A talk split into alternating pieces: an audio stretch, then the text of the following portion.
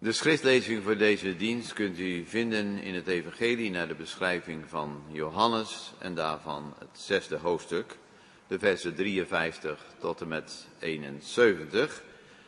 Vervolgens Johannes 6 vanaf vers 53 tot het einde. Jezus dan zei tot hen, voorwaar, voorwaar, zeg ik u lieden, tenzij dat gij het vlees van de Zoon des Mensen eet en zijn bloed drinkt, zo hebt gij geen leven in uzelf.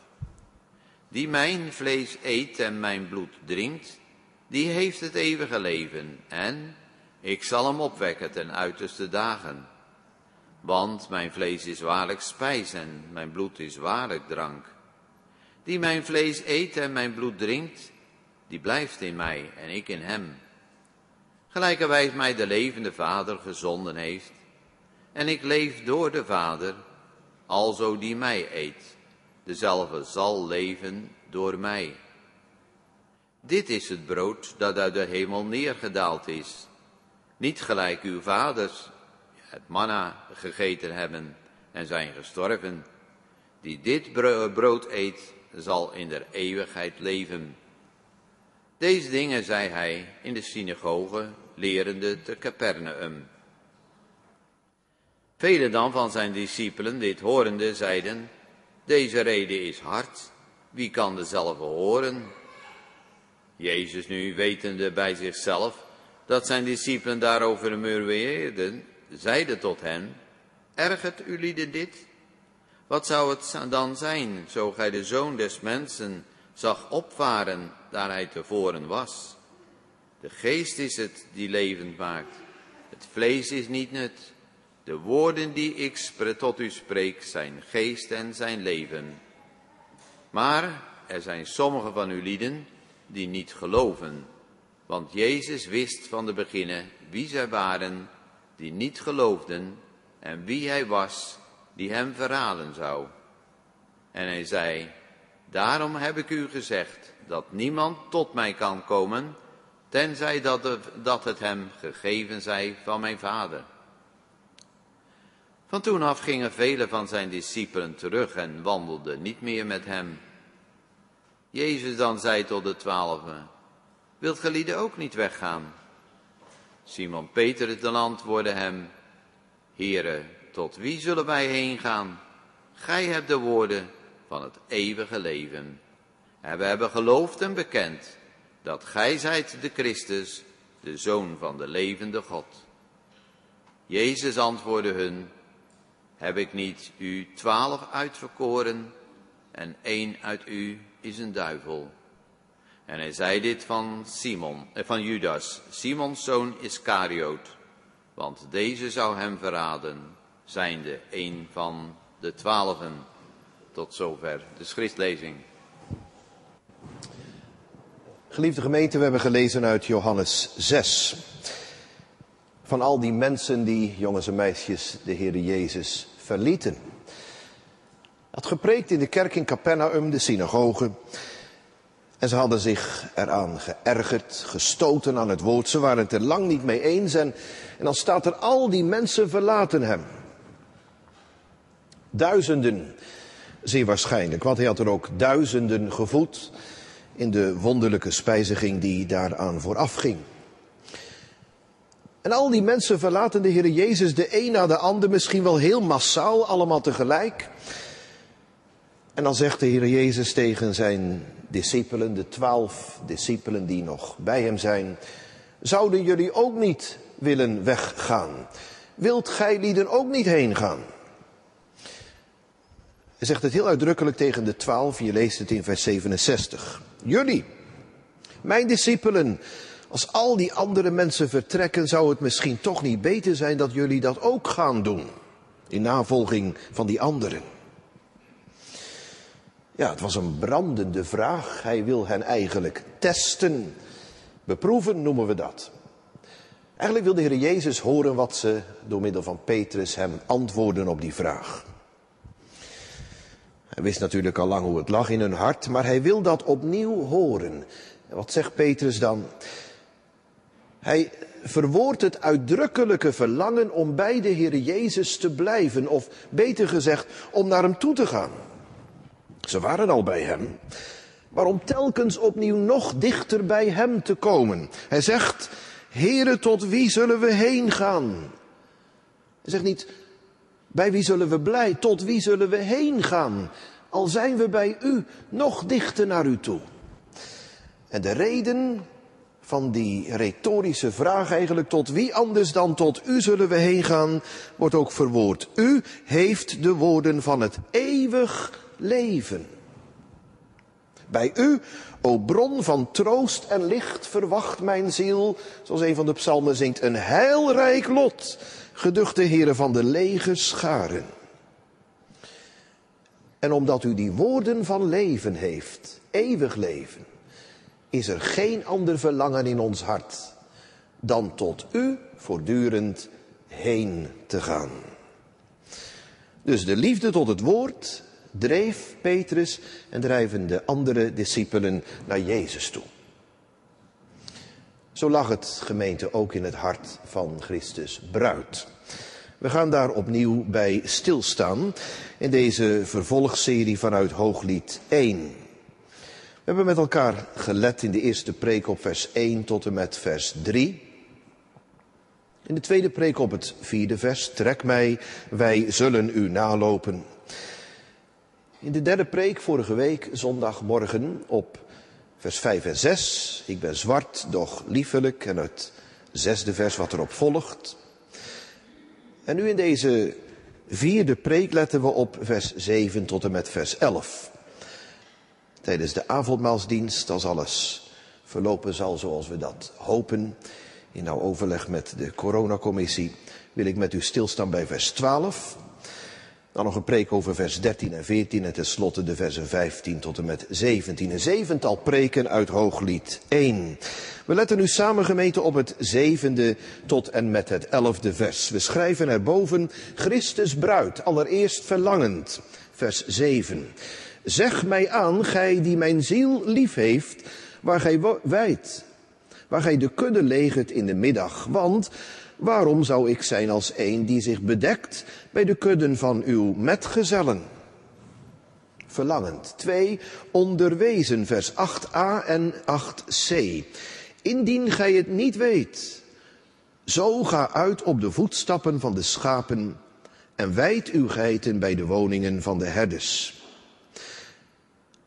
Dus onderwezen en drie, de bruid van Christus is ook liefelijk. Ik wil u wijzen op vers 8b. O gij schoonste onder de vrouwen. De enige keer dat de bruidegom dit in het hooglied zegt. Die uitdrukking komen we ook tegen in twee andere teksten van dit boekje, het hooglied. Maar hier de enige keer dat de bruidegom het zegt van zijn bruid. En dan ook vers 9 tot en met 11. Mijn vriendin, ik vergelijk u bij de, bij de paarden aan de wagens van Farao. Uw wangen zijn liefelijk in de spangen, uw hals in de parelsnoeren. We zullen u gouden spangen, gouden colliers, staat er eigenlijk, kettingen maken met zilveren stipjes. Dus Christus bruid verlangend, onderwezen en liefelijk.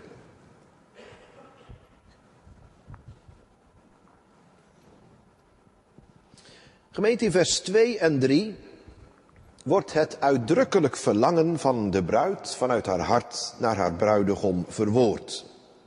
Dat hij mij zou mogen kussen met de kussen van zijn mond. Uw uitnemende liefde, beter dan wijn, enzovoorts. Heel eenvoudig gezegd, ik heb geen ander verlangen dan dat Jezus dicht bij mij is. In vers 4 beleidt ze haar afhankelijkheid. Trek mij.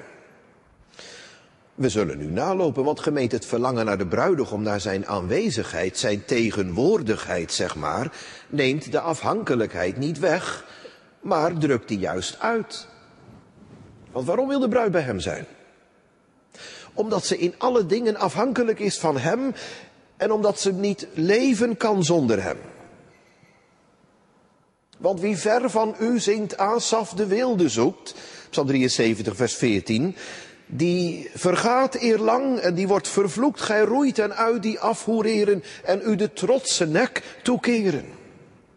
Het gaat er over God, of zo u wilt in het hooglied, over de bruidegom, de Heer Jezus.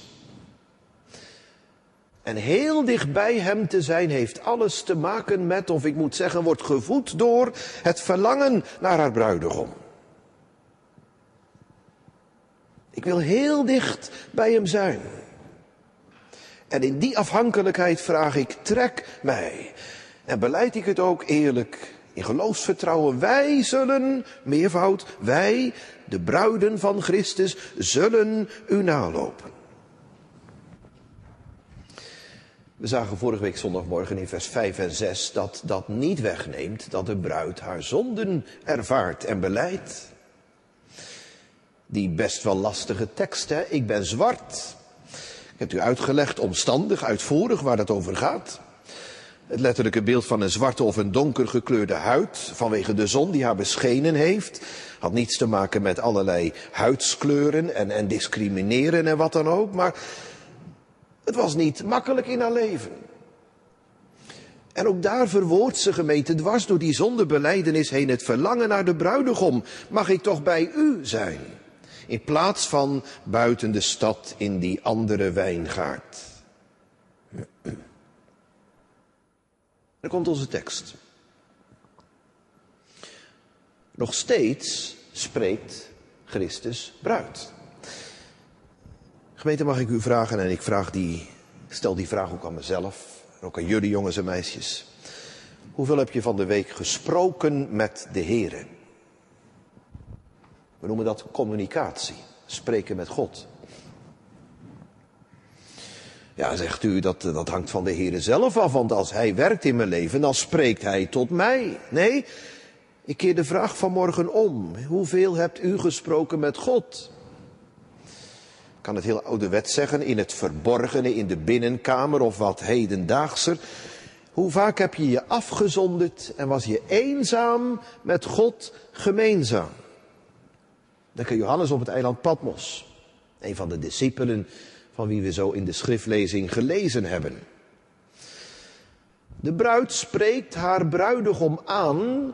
Ze vraagt van alles, ze beleidt haar zonden, maar ze communiceert ook met hem.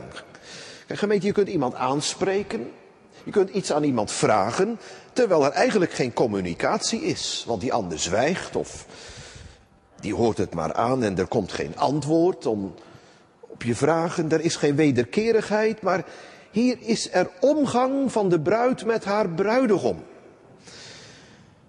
En als je de verhaallijn van deze beelden volgt, dan blijkt wel dat op al die vragen en al die woorden die ze tegen hem, de bruidegom, zegt, de bruidegom zelf ook wat gaat zeggen. Mag u vanmorgen zeggen op grond van het woord van God, als u maar lang genoeg, en dat hoeft niet in tijd te worden uitgedrukt, maar maar lang genoeg aanhoudt aan de troon van de genade, komt er altijd een antwoord. Want de Heere gemeente laat niet staan die tot hem vluchten.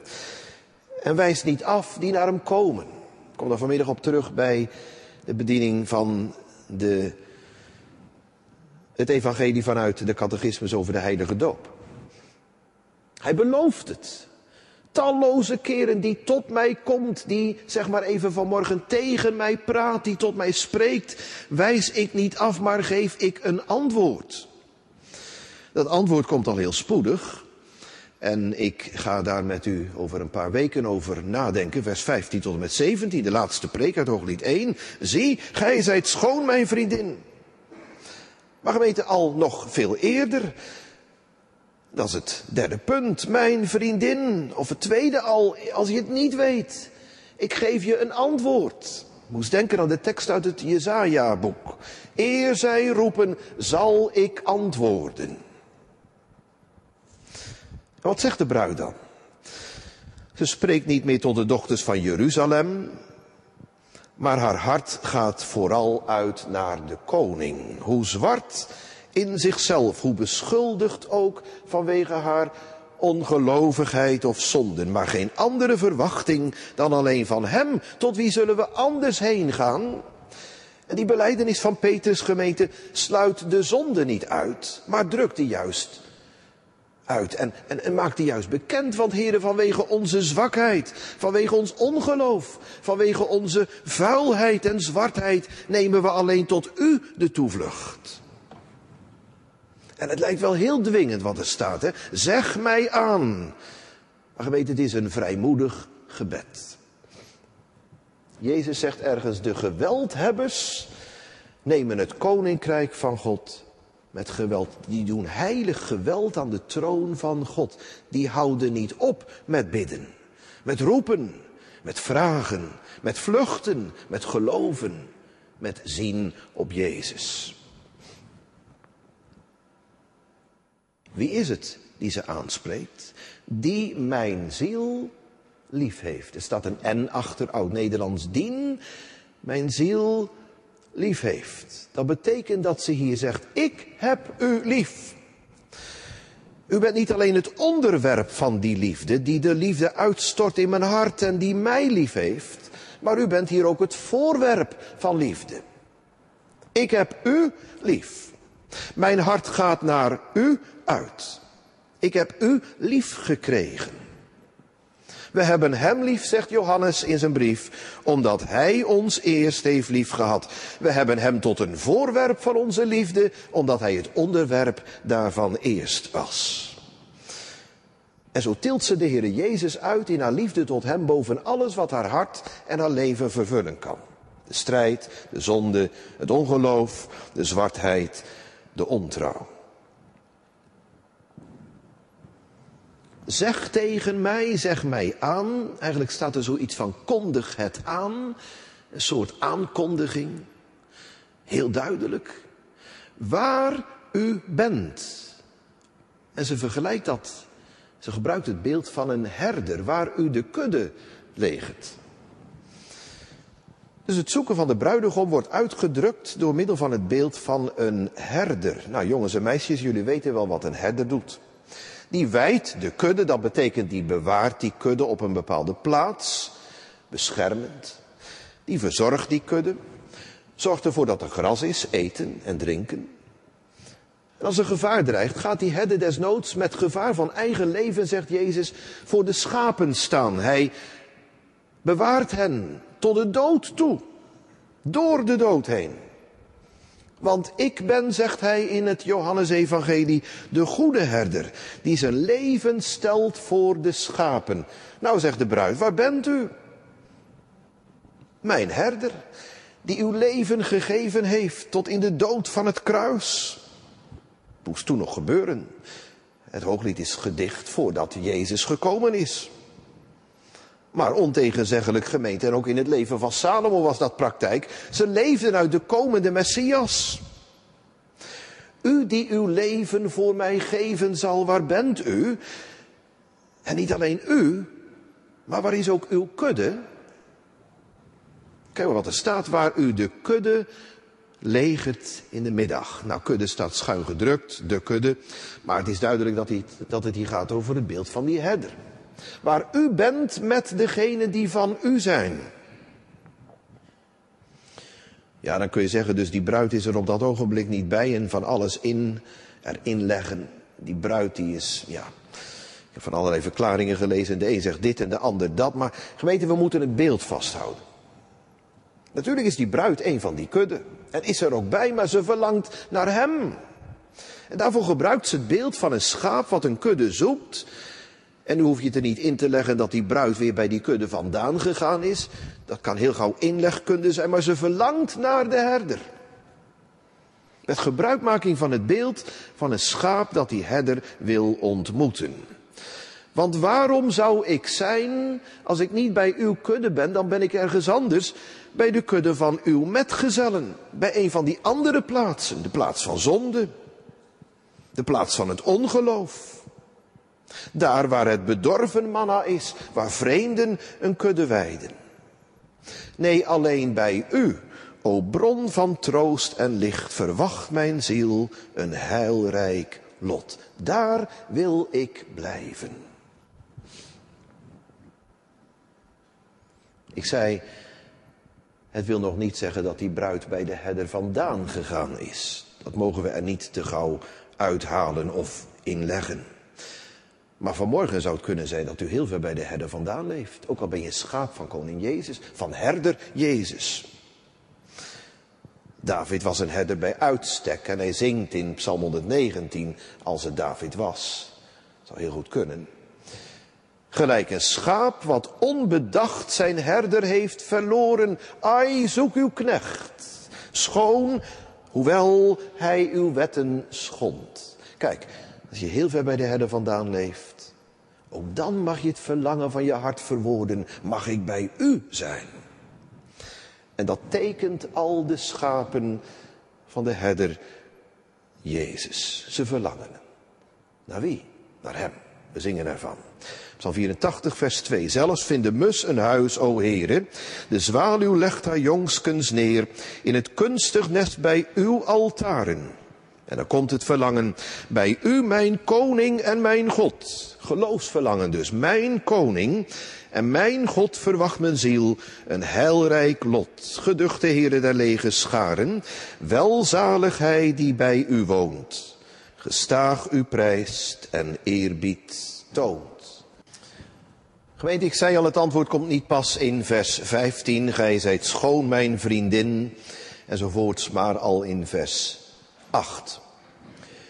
Eer zij roepen, zal ik antwoorden. Als u de vragen van uw leven aan de genadetroon neerlegt, dan geeft God een antwoord. Vaker nog eerder dan later. En zeker nooit te laat. Ook niet te vroeg. Niet te laat opdat u niet hopeloos en moedeloos worden zal. En ook niet te vroeg opdat u niet onafhankelijk van de Heer verder gaat. En denkt, nou ja, wanneer ik maar wat vraag, komt er wel vanzelf een antwoord. De Heere bepaalt het exacte moment. Hij heeft de timer in zijn hand, de grote wereldklok ook, maar ook de klok van het geestelijk leven. Wat is een gelukkig gemeente wanneer je het van hem laat afhangen? Dat neemt ons gebed niet weg en de aandrang niet. Het bestormen van de genadetroon, zo gezegd. Tot wie zullen we anders heen gaan? Maar dat geeft je wel een gelovig bidden. Een vertrouwend bidden. Ook in de nood van je leven in het kruis wat je hart vervult. Om het van Hem te verwachten en in Zijn hand te leggen. Ja gemeente, dan komt dat antwoord van de bruidegom. Als je het niet weet, o schoonste onder de vrouwen. Dat is niet een verwijtend antwoord. Je weet het niet en daarom zal ik je nu even wat. Nee, in de situatie van, gezien het feit dat, het is een constatering.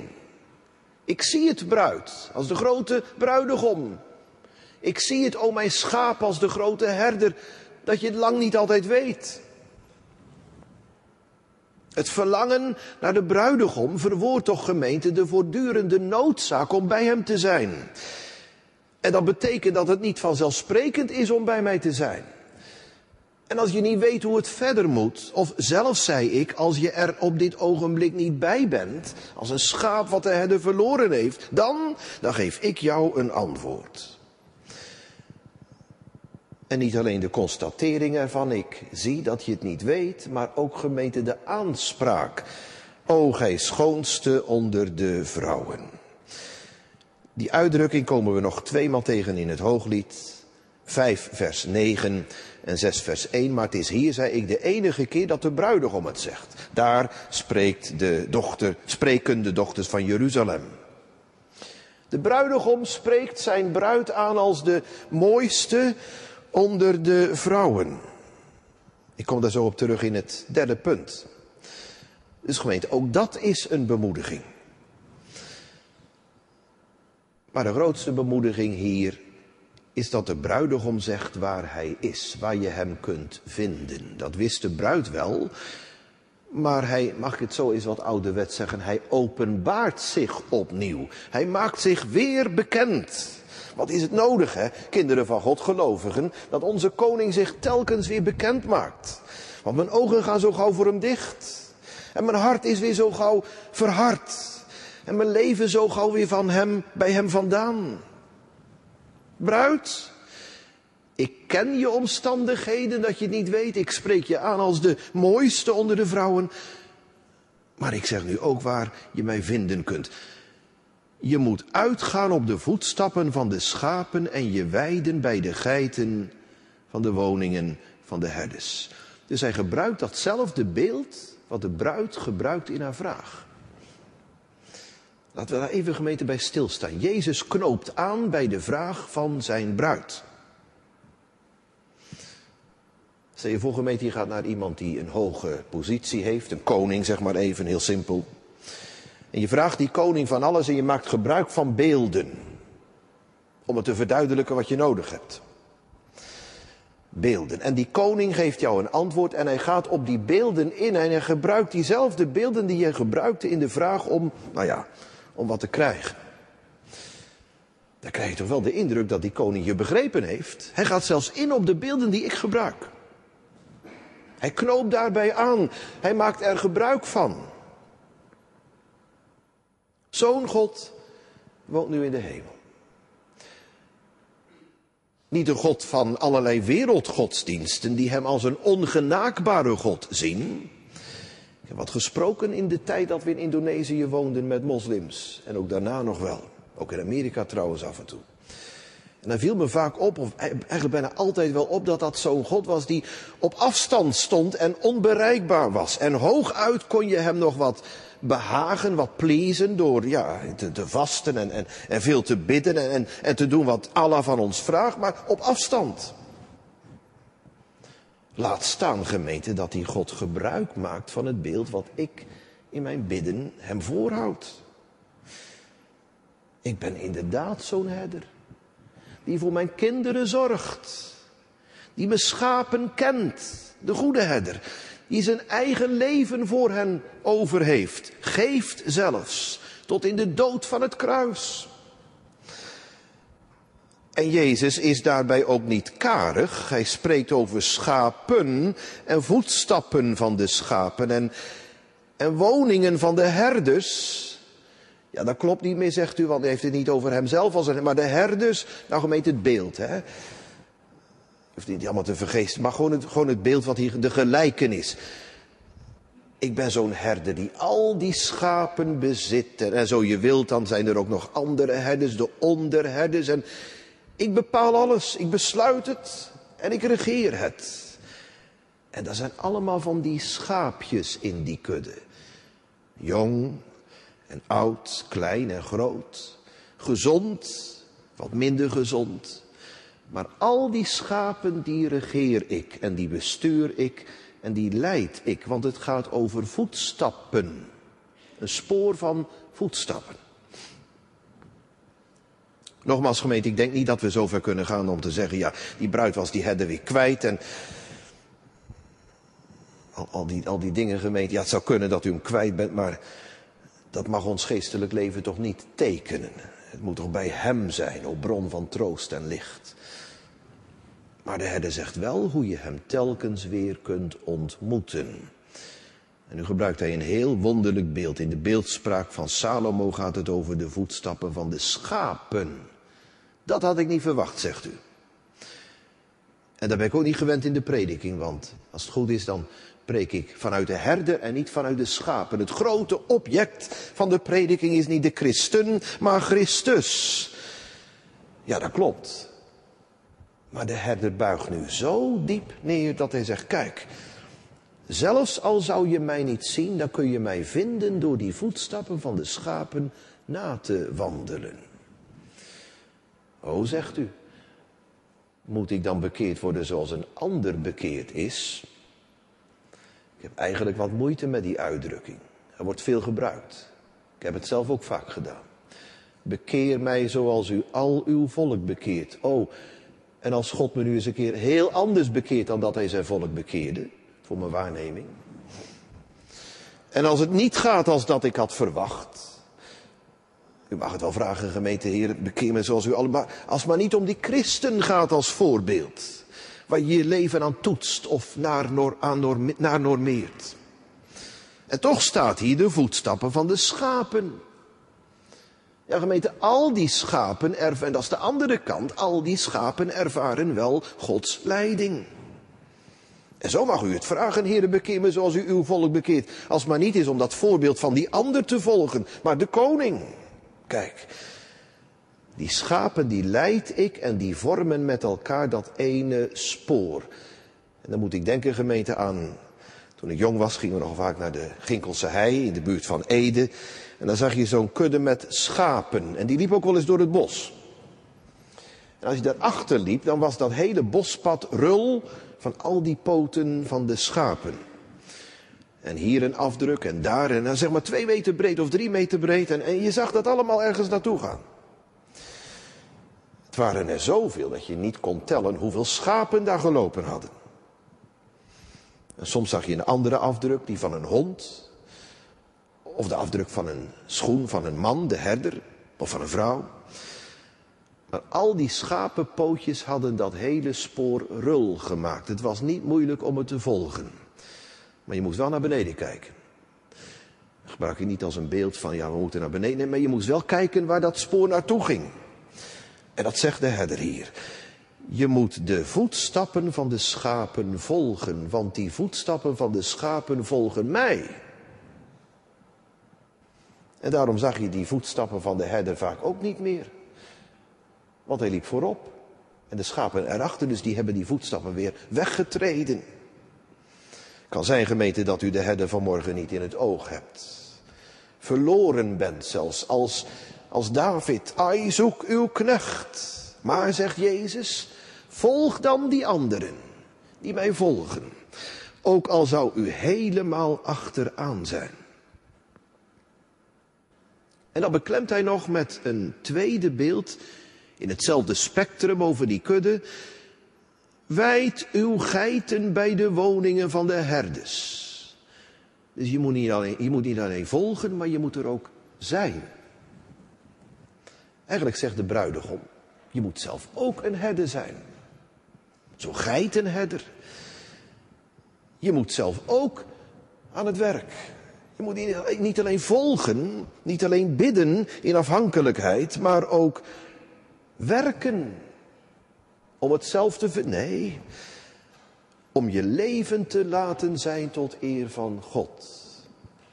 Ik las in een verklaring, de herder vraagt niet alleen de schapen te volgen wat betreft vergeving van hun zonden, wat hij hun geeft. Maar de herder vraagt ook de schapen hem te volgen om te leven tot eer van hem, wat ze hem geven. Nog een keer.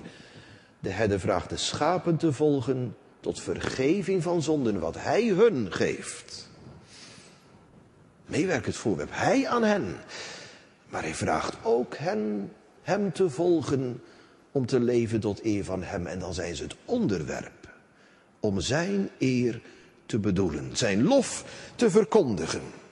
Met gebruikmaking van datzelfde beeld. Eigenlijk staat er in het Hebreeuws, zet u daar neer. Wees daar bij die geitenwoningen aanwezig. Waar? Bij de grote herder. Aan mijn voeten. Aan mijn hart. En zo gaat de evangeliebelofte gemeente vanmorgen uit tot ons allen, dat wie naar hem komt, niet wordt weggestuurd. De nodiging komt, bereikt uw aller hart, ook dat van jou, jongen of meisje, man of vrouw die hem nog niet kent. Zet je neer aan mijn voeten. Komt tot mij en leeft. Betreed de weg van het verstand, zou Salomo ergens anders zeggen. Volgt mij. Nog één keer dat beeld. Die afdruk van de schoen van de herder is onzichtbaar geworden doordat al die schapen hem volgden. Dat begrijp je wel, hè? De herder voorop, dus de schapen komen erachteraan en je ziet die voetstappen van de herder niet meer terug. Maar als je het spoor volgt, dan volg je zijn richting. Peter zou het laten zeggen dat we zijn voetstappen mogen nawandelen. Het drukken van de voetstappen is onmogelijk. Dat hoeft ook niet. Er is er maar één die zijn voetstappen gezet heeft op het spoor van de dood. Tot in de vervloeking van het kruis. Maar u mag hem wel volgen. Christus bruid verlangt, wordt onderwezen, krijgt onderwijs en is ook liefelijk. Dat zegt de bruidegom. Hij drukt zijn liefde tot haar uit, maar ook zijn waardering. Je kunt iemand gemeente lief hebben terwijl die ander in jouw waarneming nog niet eens altijd mooi hoeft te zijn. Er kunnen van allerlei dingen bij die ander zijn waarvan je zegt, ja, uiterlijke schoonheid, nou niet direct. Dat is ook niet gemeente een van de belangrijkste dingen. Maar hier zegt de bruidegom, ik heb je niet alleen lief, maar ik vind je ook mooi. Als het goed is gemeente geldt dat natuurlijk altijd. Als je iemand lief hebt in een huwelijksrelatie, verkeringstijd, dan vind je die ander ook mooi. Wat anderen ervan denken, daar heb je verder helemaal niets, geen boodschap aan. Jij vindt die ander mooi. Je hart gaat naar die ander uit. En in andere relaties, als het gaat over vader-kindrelatie, moeder-kind, ouders of grootouders, dan, dan, dan, dan, dan zit er ook van binnen iets wat, je, wat aantrekkelijk is, als goed is. En zo zegt de bruidegom, kijk, die bruid heb ik lief, maar vind ik ook mooi. Waarom? Waardoor? Waarom? Dat komt aan het eind, waardoor dat begint het mee, mijn vriendin. Dat is de oorzaak waarom ik jou mooi vind. Je bent van mij. Ik heb je gekocht. Met de dure prijs van mijn bloed. Peter zou het zeggen, hè? het dierbaar bloed betekent eigenlijk het dure bloed van Christus. Het Griekse woordje wat hij gebruikt betekent kostbaar. Het Engelse woord precious. De prijs die ervoor betaald is. Het dierbaar bloed van het lam. Wat ik voor jou heb uitgestort. Mijn bruidskerk.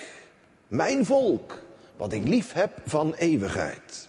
Mijn vriendin. Het wordt hier ook heel persoonlijk gezegd. Niet mijn volk, mijn kerk, wat je soms in de Bijbel leest. Mijn vriendin. Jezus heeft oog voor allen van zijn kinderen, één voor één. Hij gooit ze niet, ik bedoel dat niet oneerbiedig, maar hij gooit ze niet op een grote hoop. Zoals een koning lang niet altijd zijn onderdanen kent.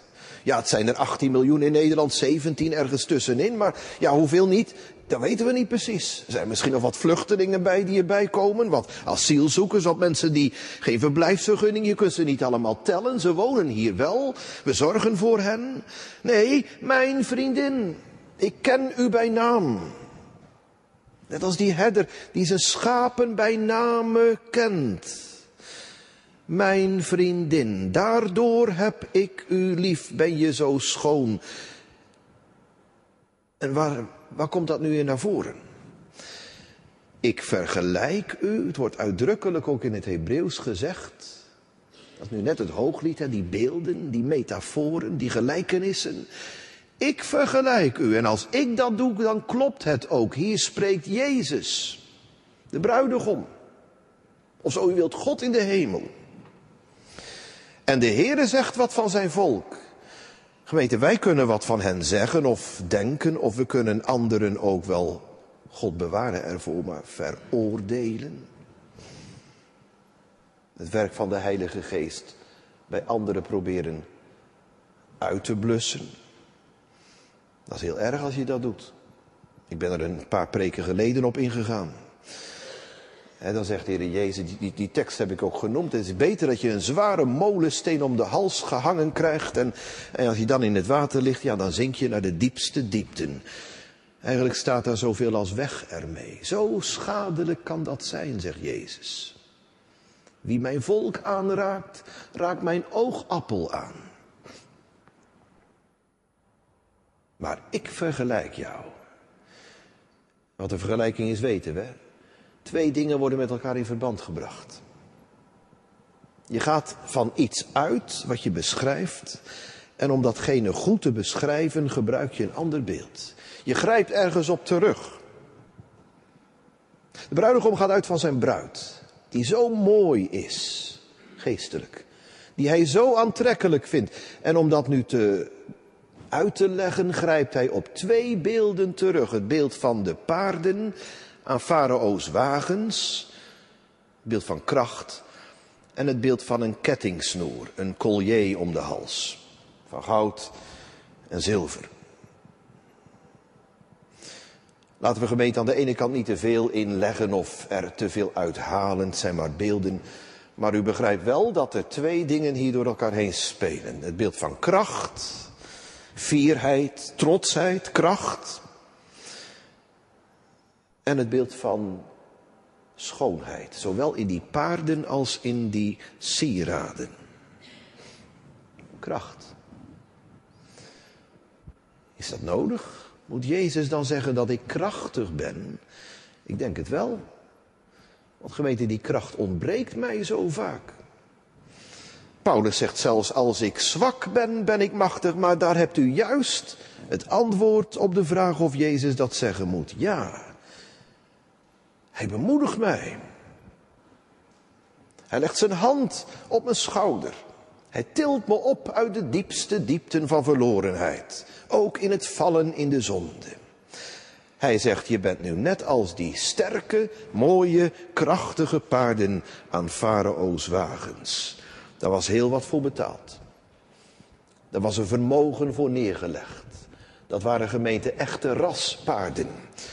Uit Egypte of uit andere plaatsen waar ze werden gefokt. En daar gaf men heel wat geld voor. Dat was een kostbaar bezit. Maar gemeente, het belangrijkste wat hier Jezus zegt is die kracht. Net als wat je leest in Exodus 14, dan zegt God, ik zal verheerlijkt worden aan Farao en aan al zijn heer, aan zijn wagens, hetzelfde woord wat hier gebruikt wordt. De wagens van Farao en aan zijn ruiters. Dat waren van die krachtige paarden uit Egypteland. Die dwars door het rulle zand van de Rode Zee heen gingen. En die trokken die wagens er doorheen, totdat God hen tegenhield en het water over zich, zich over hen sloot. Maar krachtige paarden. En dat is mijn volk in de strijd tegen de zonde, want het is mijn vriendin, ze zijn van mij. En de schoonheid van diezelfde paarden, zo leest u in 2 Kronieken 9. Ze brachten voor Salomo paarden uit Egypte en uit al die landen. Heeft ze bekeken en goedgekeurd. De bruidegom keurt zijn volk goed. Dwars door hun zonden heen. Want hij handelt nooit met ons naar onze zonden. En het tweede beeld, zowel in die paarden als ook in dat sieraad is, is dat van schoonheid. We zullen nu gouden spangen, spangen, dat is een woord wat nog bestaat in het Nederlands. Wat verouderd woord, maar het wordt nog gebruikt. Als je op het internet opzoekt, dan, dan komt er gewoon een uitleg over. Snoeren, of beter gezegd een collier. De, de herziene statenvertaling heeft het vertaald met kettingjes, maar ik, ik denk dat een collier een betere vertaling is. Dus niet alleen die kettingjes, maar het gaat over het geheel. Zo'n spang, zo'n parelsnoer, of dat nu één snoer is of uit allerlei snoertjes bestaat, maar een collier. Een prachtig gouden sieraad. En dat ga ik voor jou maken. Met zilveren stipjes erop. Beter kan het niet. Mooier is ondenkbaar. Het is net gemeend als je zegt, ik zal mijn vrouw eens een prachtig sieraad geven. En, en je gaat naar een zilversmid of een goudsmid. En je zegt, zo wil ik het hebben. Ja, dat heb ik niet. Nou, zo moet je het maken voor mij. Ik heb er een heel vermogen voor over als ik dat bezitten zou, om het zo te krijgen. Die man of die vrouw gaat aan het werk en je komt na een paar weken terug en je zegt, ja, dat heb ik nu bedoeld. Goud het gouden snoer, het gouden collier, de gouden spangen, kettingen ineengeregen met zilveren knoopjes erop. De schoonheid wordt nog meer. Ik geef je nog meer dan dat ik jou al gaf. Je bent mijn vriendin. Je bent van mij, mijn eigendom en ik ben van jou. Maar ik geef je daarbovenop nog meer. Ik zal mijn uitmuntende liefde voortdurend doen ervaren in jouw hart en in jouw leven. En dan nog een keer dat cadeau. Je koopt het voor je vrouw of een vrouw voor haar man, sieraad of iets anders. En stel je nu voor, je koopt zo'n prachtige ketting en je betaalt, nou ja, noem maar wat, je betaalt er duizend euro voor. Je betalen kan of je het ervoor over hebt, nou, dat is heel bedrag. Je hebt die duizend euro aan die, aan die goudsmid betaald en je komt met die ketting thuis in een prachtig doosje en ingepakt. En nou, dat is voor jou. Je man of je vrouw doet het open en zegt, dat is mooi, pracht, ben er heel blij mee. En, en die ketting die verdwijnt in een juwelendoos of in een kluis en die gaat nooit meer om. Ja, dan ben je wel teleurgesteld. Koning Jezus zegt, God zegt, wij zullen, ik maak wat voor jou, maar ik wil het wel dagelijks zien. Ik wil dat sieraad tegenkomen. Dat goud, dat zilver, dat collier om je hals, dat zal ik moeten zien. De trouwring van Jezus, het sieraad van de bruidegom. Wij. Gemeente, dat is afwijkend wat er in alle andere teksten. Wij. Echt meervoud verklaringen wijzen. En ik zeg het in alle schuchterheid. Ik weet niet of dat zo is, maar verklaringen wijzen als een feit op de drie eenheid zou kunnen. Het zou ook kunnen dat de Heer meervoud gebruikt, de bruidegom, om zijn overvloed aan te duiden. Maar één ding is zeker, de drie enige God heeft zijn bruid lief. In verkiezende liefde, in verzoenende liefde en in toepassende liefde. Wij zullen. Gemeente, u bent u, komt terug op de beginvraag, bij koning Jezus geweest? Of bent u net als al die andere mensen die allemaal weglopen en Jezus hebben vaarwel gezegd? Waarom? Daar valt gemeente genoeg over te zeggen, Johannes 6, een prachtig hoofdstuk. Maar twee hoofdoorzaken. Hij bestraft de zonde, dat doet hij. Met die beelden van brood en water. En hij nodigt. En de een gaat weg vanwege de zondebestraffing en de ander vanwege de nodiging. Maar Jezus hebben ze niet nodig. Komt tot mij. Verlaat de weg van de boosheden, de slechtigheden, zegt Salomo, en leef en treed in de weg van het verstand. En buig je jonge of oude hart voor de bruidegom. gelovigen, kinderen van God. We mogen Jezus volgen, dwars door het leven, door de aardse woestijn heen. Eenmaal komen we thuis. Des konings dochter is geheel verheerlijkt, inwendig. Maar ook uitwendig. Haar kleding is van gouden borduursel.